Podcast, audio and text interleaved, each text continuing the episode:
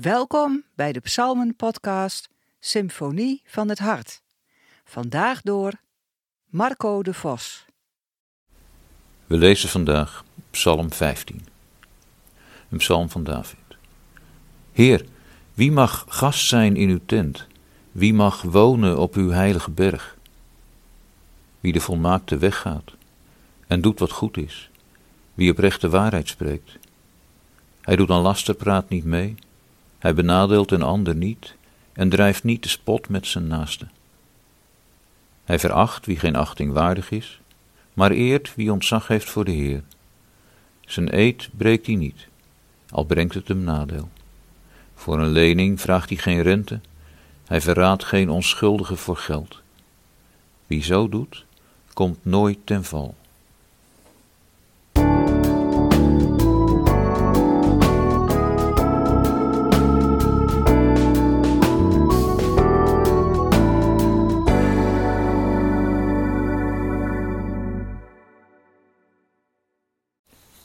Wie bepaalt of ik ergens binnen mag komen?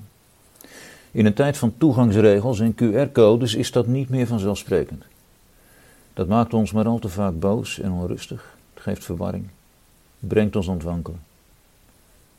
Het is in deze tijd ook heel verleidelijk om deze psalm te lezen als een soort controle bij de ingang van de tempel, als een vraag- en antwoordspel tussen een bezoeker en de dienstdoend priester.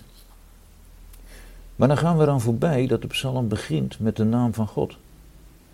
De vraag in het eerste vers wordt gesteld aan God zelf. Het gaat hier niet om een toegangscontrole. De psalm is een gebed, waarin aan de Heer gevraagd wordt wie dicht bij hem mogen komen.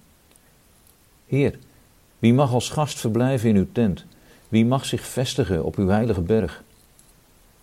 Dit eerste vers is een prachtig voorbeeld van de manier waarop Hebreeuwse poëzie vaak werkt. De technische term ervoor is parallelisme. Twee uitspraken die over hetzelfde gaan en elkaar aanvullen.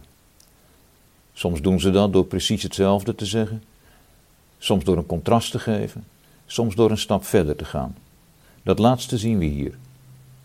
Eerst is er sprake van Gods tent, het verplaatsbare heiligdom van de tabernakel.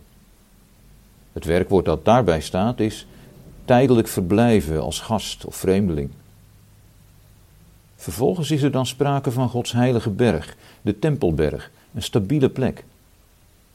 Nu is het werkwoord wonen, je vestigen. Daar zit een versterking in, een beweging naar rust en stabiliteit. Een beweging die zijn climax vindt in de slotzin. Wie zo handelt, zal nimmer wankelen. De vraag wordt aan God gesteld, niet aan een priester of portier. Dus de psalmist verwacht het antwoord ook van God zelf. De tekst laat open of wat volgt een profetisch woord van de Heer is, of een reflectie van de psalmist op basis van hoe hij God kent. Maar opvallend is dat er geen religieuze regels volgen over rein of onrein. Het gaat over integriteit, over oprechtheid, over gerechtigheid. Het gaat erover hoe we met anderen omgaan. Nu is de psalm een lied, poëzie, dus we moeten hier geen checklist van maken waarin we de vakjes moeten aanvinken.